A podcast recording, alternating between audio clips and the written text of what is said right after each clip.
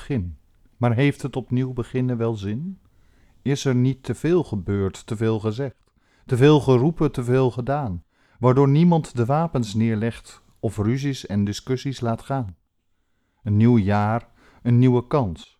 Of is het toch weer dezelfde dans? Dezelfde sprong, dezelfde stap, dezelfde draai, heen en weer. En we net als een stier met een rode lap op dezelfde manier doorgaan, keer op keer. Een nieuw jaar, maar de veranderingen zijn klein. Maar mag het nieuwe jaar dan wel echt een nieuw jaar zijn?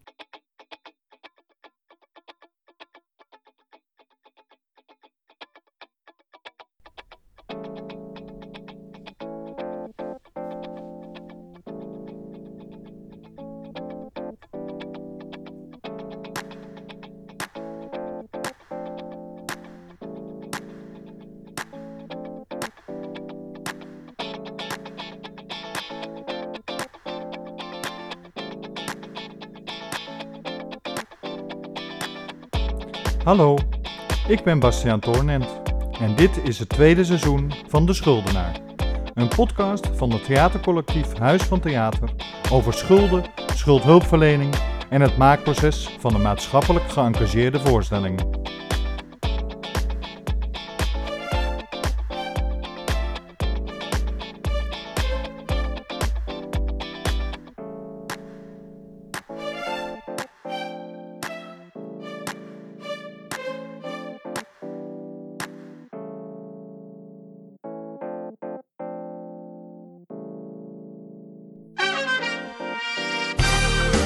ZFM.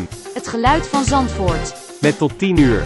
Het opinieprogramma wat de moeilijke vragen durft te stellen. Geen discussie uit de weg gaat. En de gasten het vuur aan de schenen legt. Dit is Zandvoort, aan, het woord.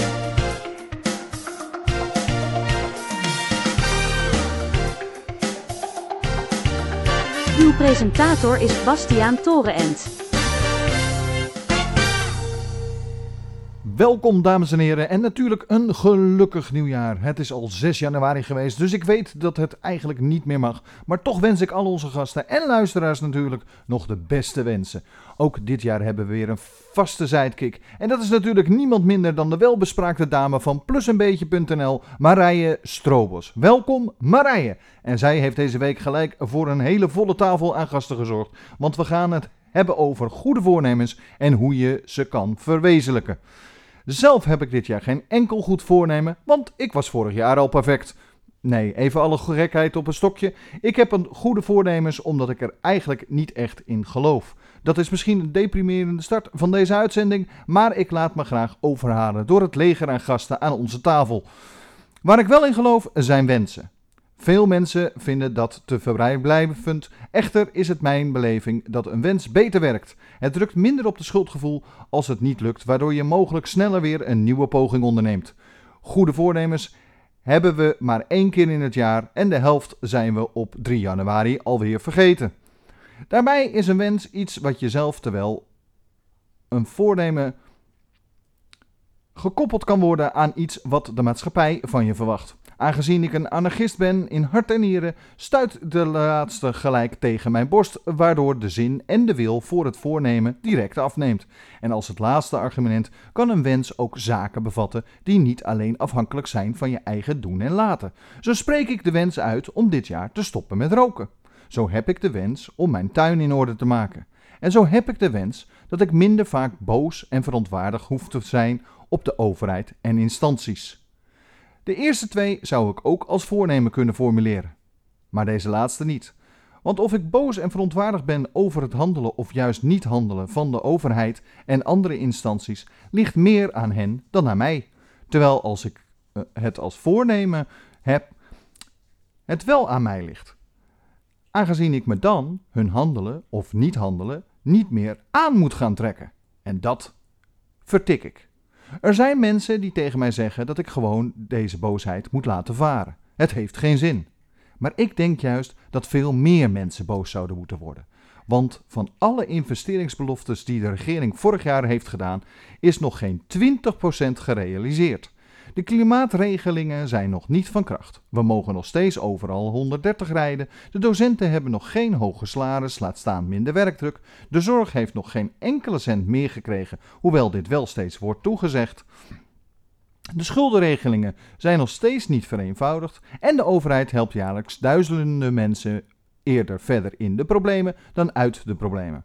En als laatste, maar momenteel de meest schandelijke punt, nog geen 10% van de mensen die voor de kerst schadevergoeding zouden krijgen wegens het criminele gedrag van de Belastingdienst rondom de kinderopvangtoeslag, hebben deze ook werkelijk gehad. Ruim 90% heeft nog niet het geld gekregen waar zij recht op hadden, laat staan de fikse schadevergoeding die hen is toegezegd. En de politici vinden het nog steeds raar waarom burgers niet meer in hen geloven. Het enige wat ik raar vind is dat we niet me- met veel meer mensen boos zijn. En wij als burger nog niet over zijn gegaan op totale anarchie. We gaan wel naar het Malieveld, maar nog niet met de zwarte vlag. Of is dat misschien het goede voornemen voor 2020?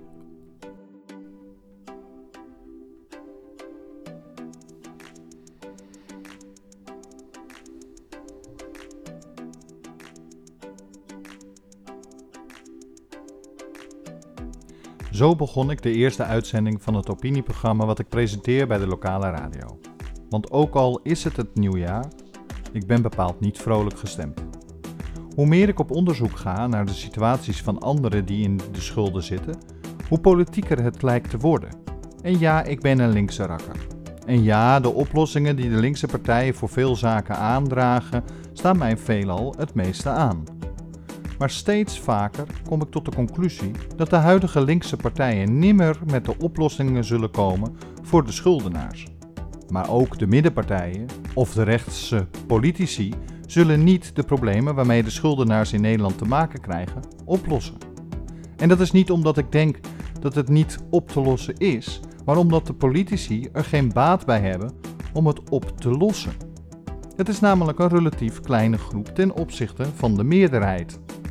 Daarnaast zeggen de conservatieve politici in Nederland dat het de schuldenaars eigen verantwoordelijkheid is.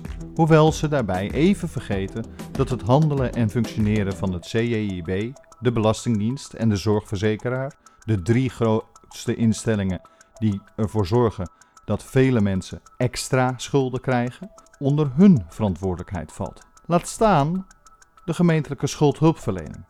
Daar is nog heel veel aan mis en dat is toch hun verantwoordelijkheid. Maar de progressieve politici doen het ook niet goed, want zij kijken te veel naar schuldenaars als slachtoffers. Ze willen wel voor hen opkomen, maar maken er veelal een veel groter politiek iets van dan nodig. En dat verhelpt de problemen niet. Links weet veelal niet wat pragmatisme is en rechts denkt te veel in de schuldvraag van de burger zelf. Hoe denk ik dan dat veel van de zaken opgelost kunnen worden? Eigenlijk vrij simpel. Door gewoon eens aan de schuldenaren te vragen wat ze nodig hebben.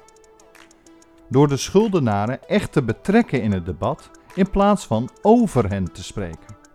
En om eens een simpele kosten-batenanalyse erop los te laten. Want alleen de kosten die gemaakt worden om schuldenaars te helpen, staan niet in verhouding met de kosten die een kwijtschelding zou kosten. In 2018 gaven namelijk de Nederlandse gemeenten 250 miljoen euro uit aan de schuldhulpverlening. Gemiddeld melden per jaar zo'n 85.000 huishoudens zich aan bij de schuldhulpverlening, maar slechts 40.000 daarvan komen ook in een schuldhulpverleningstraject of een stromen door naar de wettelijke schuldsanering. Deze 40.000 huishoudens betalen gemiddeld zo'n 10.000 euro aan schuldeisers in drie jaar en zijn daarna schuldenvrij. 10.000 keer 40.000 is 400 miljoen euro in drie jaar. Terwijl de gemeente in dezezelfde drie jaar 750 miljoen euro kwijt is alleen voor de regeling. Zou het dan niet beter zijn dat we teruggaan naar het oude systeem en gemeente schuldeisers afkoopt met die 400 miljoen en gewoon dat bedrag weer int bij de schuldenaars zonder allemaal extra hulpverleningstrajecten. Zo voorkom je namelijk heel veel extra kosten en ook mogelijke fouten. Want er worden in het traject nogal wat fouten gemaakt. Ik ben nog maar net weer gestart, maar de eerste fouten hebben alweer plaatsgevonden.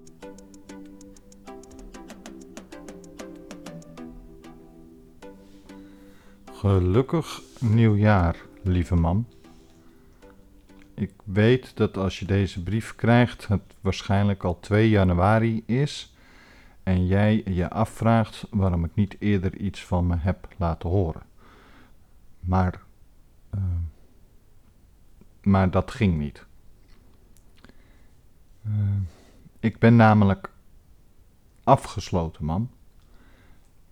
De gemeente int nu mijn geld, mijn salaris van mijn werk. En ondanks dat ik extra gewerkt heb, betalen ze blijkbaar mijn rekeningen toch niet. Dus ik heb nu geen geld, maar ook geen internet meer.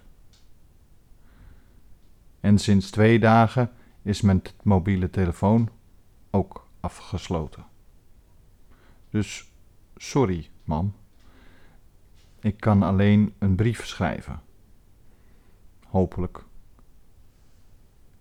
heb ik nog wel inkt in mijn printer. Verder gaat het gewoon goed met mijn mam, al is dit niet zo'n lekker begin van het jaar. Nou ja, ik hoop dat het verbetert. En anders, dan zien we dat vanzelf wel weer. In een diepere put kan ik toch niet komen. Als ik nog dieper zou graven, met een V, kom op, dan kom ik straks nog in Nieuw-Zeeland uit. nou ja, dan hebben de schulden toch nog voor een leuke vakan vakantie gezorgd. Oh, dat is met een D? Sorry, mam, dat het zo cynisch klinkt. Misschien moet ik toch het nog een kans geven. Een nieuw jaar, dus nieuwe kansen. Ik hoop dat jouw oud en nieuw leuk was. Liefs, je zoon. De eerste fout die de gemeente dus maakte was door niet mijn internet en tv te betalen. Hierdoor liep de rekening op tot 160 euro, waarvan 40 euro extra inkastenkosten waren. Zonde van het geld, beter gezegd, mijn geld. En daarnaast zat ik ruim twee weken tijdens de kerst en oud en nieuw zonder internet en tv. Nu heb ik onbeperkt data van, via mijn telefoon, dus viel er wel mee door te komen. Echter ook deze rekening hadden ze niet betaald. Gelukkig had ik nog wat leefgeld over, zodat ik deze zelf maar heb kunnen betalen, waardoor ik niet afgesloten werd. Nu heb ik nog geld van drie opdrachten te goed. Gezamenlijk een bedrag van ruim 1800 euro. Dus toen ik op 2 januari dit geld op mijn rekening had staan, betaalde ik dan zelf maar de rekening van mijn internetprovider. En inmiddels was de tweede aanmaning van mijn stroomleverancier ook al binnengekomen. Deze heb ik ook dus maar direct betaald. Echter toen ik goed keek op mijn rekening stond ineens de naam sociale dienst in plaats van de naam van mijn opdrachtgever. De sociale dienst was echter op 2 januari nog niet bereikbaar en toen ik het geld terug probeerde te storten, kon dat niet. Wat blijkt nu? De sociale dienst heeft ineens mij twee maanden uitkering gegeven, terwijl ik al sinds september dit jaar geen uitkering meer heb, maar gewoon een baan. U raadt het al. Ik moet zelf erachteraan zodat ik dit geld terug kan betalen. En ik moet zelf mijn internetprovider vragen of zij het geld terug willen storten. Want de schuldhulpverlening heeft namelijk op 3 januari ineens ook 160 euro naar mijn internetprovider overgemaakt. En kunnen dit blijkbaar niet meer terugvorderen. Nu ben ik vrij secuur geweest met mijn geld, waardoor ik weinig problemen verwacht. Maar helaas moet ik constateren dat ik zelf beter mijn rekening betaalde dan dat de gemeente dat doet. Maar goed, zoals ik al zei in het begin, een nieuw jaar, dus een nieuw begin.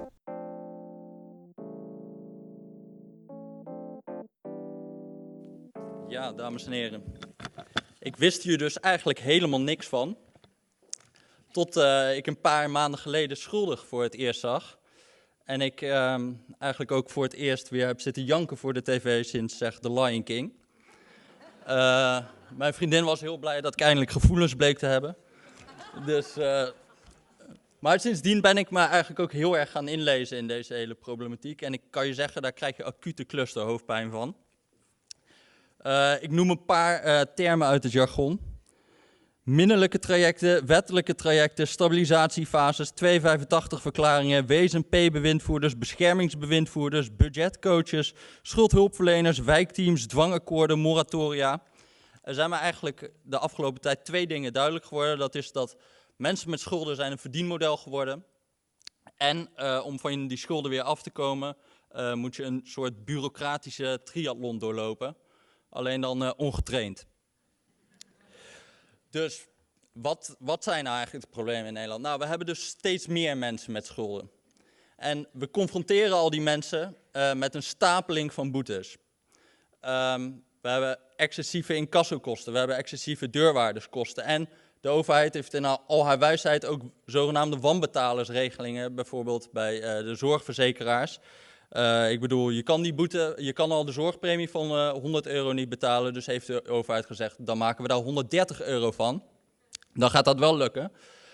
Ik hoor hier overigens in één keer mensen die allemaal tegen het stapelen van boete zijn. Uh, de PvdA heeft vorig jaar, hebben ze nog tegen een motie gestemd om dit allemaal af te schaffen.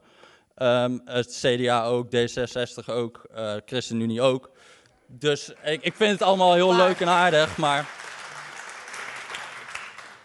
En ook overigens tegen het samenvoegen van overheidsincasso-trajecten, bedoeld om die stapeling van kosten te voorkomen, ook allemaal tegengestemd. Dus um, ik vind dat een beetje wonderlijk. Maar goed, mooi, mooi dat het campagnetijd is en het nu allemaal anders is. Volgens mij hebben wij er ook voor gestemd.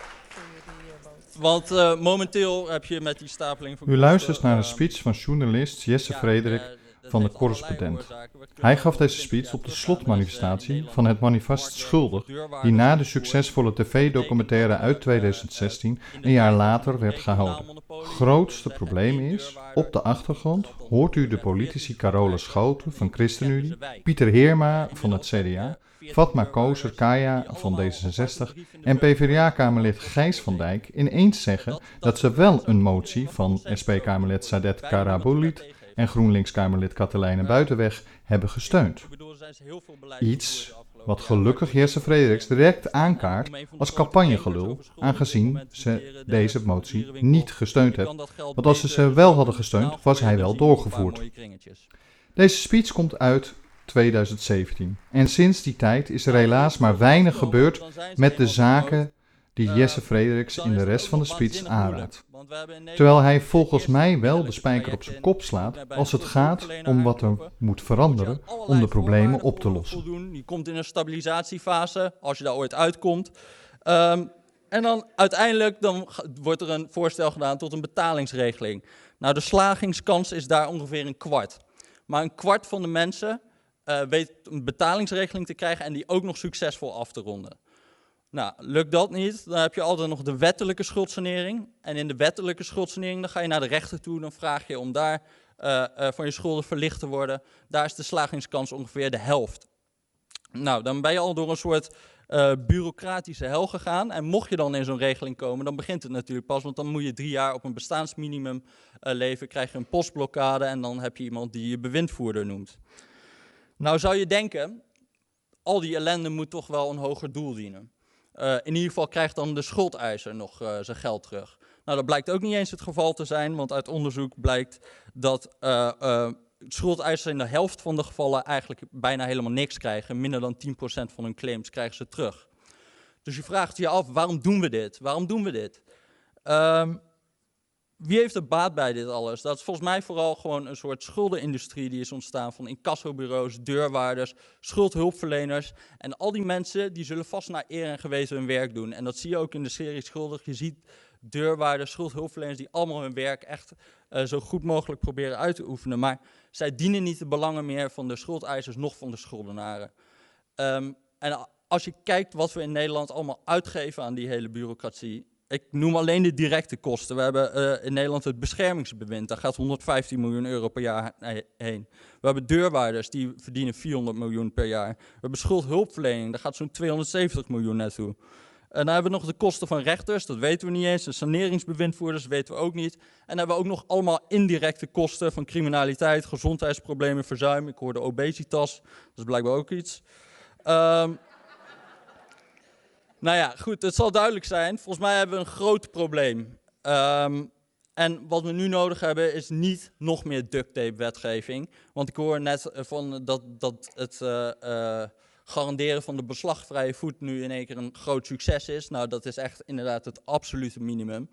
Dat we mensen niet onder een bestaansminimum laten krijgen, wat al wet was, dat gaan we nu ook echt doen.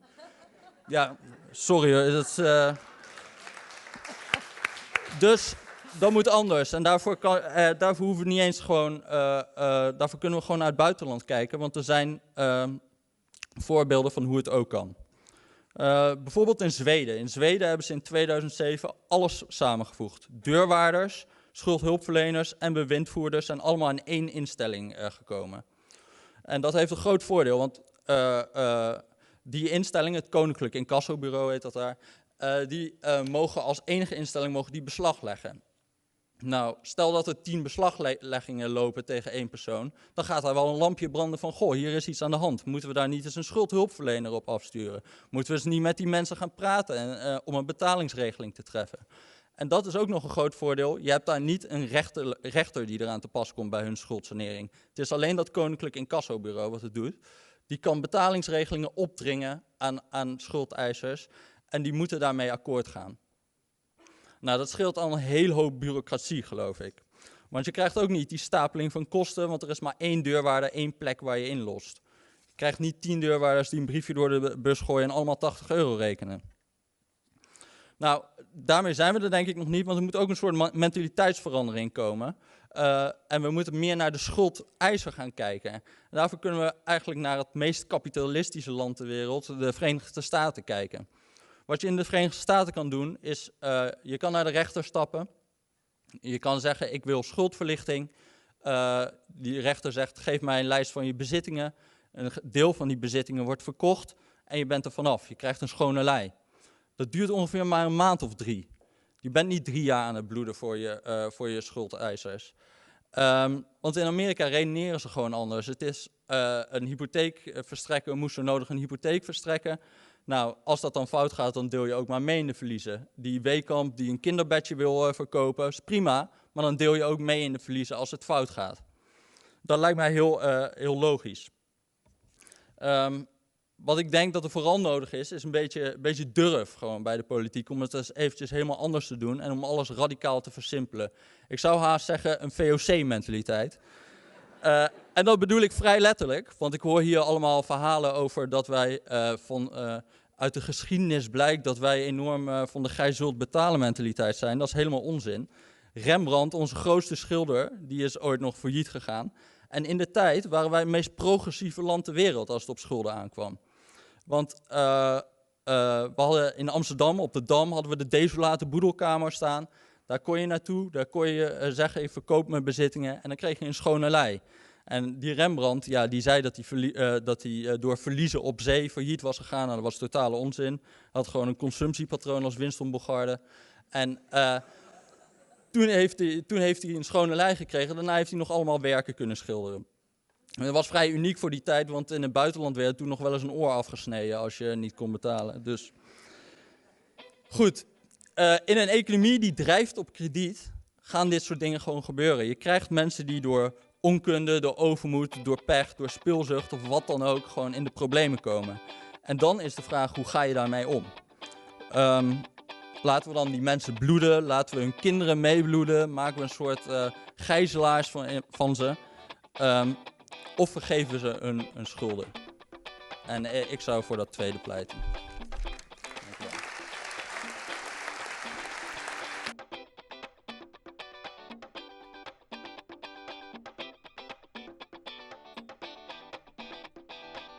Zoals ik al zei, deze speech komt uit 2017. na een jaar lang campagne gevoerd te hebben voor betere regelingen voor schuldenaren. Het is inmiddels 2020 en het enige wat veranderd is, is dat het CJIB sinds vorig jaar op boetes vanaf vorig jaar niet meer een gijzeling mag opleggen. De extreme verhogingen zijn nog steeds van kracht. Het drie jaar laten bloeden en kinderen ook mee laten bloeden is ook nog steeds van kracht. Het bestaansminimum is nog steeds dermate laag dat het onvoorziene zaken een schuldenregeling helemaal overhoop kan gooien. En de schuldvraag ligt nog steeds alleen bij de schuldenaren, terwijl de schuldeisers maar zeer weinig risico lopen. En de Belastingdienst legt nog steeds alle verantwoordelijkheid bij de burger, ondanks dat zij grove fouten maken. Ik heb namelijk net weer te horen gekregen dat ze nu ineens geen inkomstenaangifte van mij hebben van 2015. Dat ze daarom ook niet mee zullen werken met het minderlijke traject van de gemeente. Echter heb ik de aangifte gewoon in mijn administratie staan. Heb ik zelfs nog een kopie van een bezwaar dat ik heb ingediend van de aanslag die zij van 2015 hebben opgelegd. De belastingman kon mij vertellen dat het bezwaar niet gehonoreerd was. Dus hij kon wel de aanslag zien van 2015 en het bezwaar, maar niet de aangifte. Maar een aanslag wordt altijd gebaseerd op een aangifte. Toch zal ik nu weer moeten bewijzen dat ik wel aangifte heb gedaan, terwijl zij eigenlijk gewoon een slechte administratie hebben. Waarom dan toch een nieuw jaar en een nieuw begin? Waarom probeer ik dan toch nog positief te zijn? Omdat het nu tijd is om opnieuw actie te gaan voeren. Omdat het nu tijd is dat de maatschappij, die toch al in een rep en roer is door alle schandalen en het niet nakomen van toezeggingen van de overheid, de politiek dwingt om echt veranderingen door te gaan voeren. Omdat het nu een jaar is zonder verkiezingen, waardoor de politiek niet meer weg kan komen met slappe campagnebeloftes die ze toch nimmer nakomen of meteen laten vallen in welke coalitieonderhandelingen dan ook. Het is een nieuw jaar en dus tijd voor een nieuwe instelling. De voorstelling die ik maak over mijn schuldenproces wordt de start van een opnieuw bredere campagne. En ik hoop dat iedereen die zich, zich erbij aansluit om werkelijk iets te veranderen. Daarom roep ik ook weer de oude initiatiefnemers, zoals de correspondent, op om mee te doen met een nieuwe campagne om nu werkelijk iets veranderd te krijgen.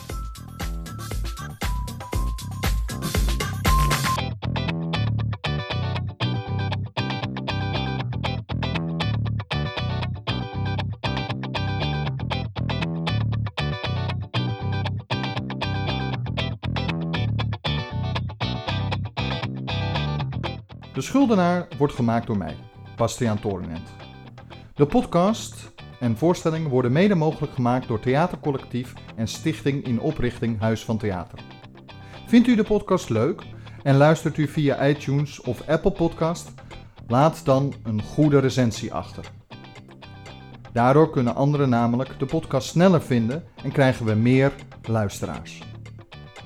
Wilt u de podcast, de voorstelling of de campagne steunen? Neem dan gerust contact met ons op via het e-mailadres deschuldenaar.huisvantheater.nl Meer informatie kunt u ook vinden op onze website www.huisvantheater.nl of www.torenent.nl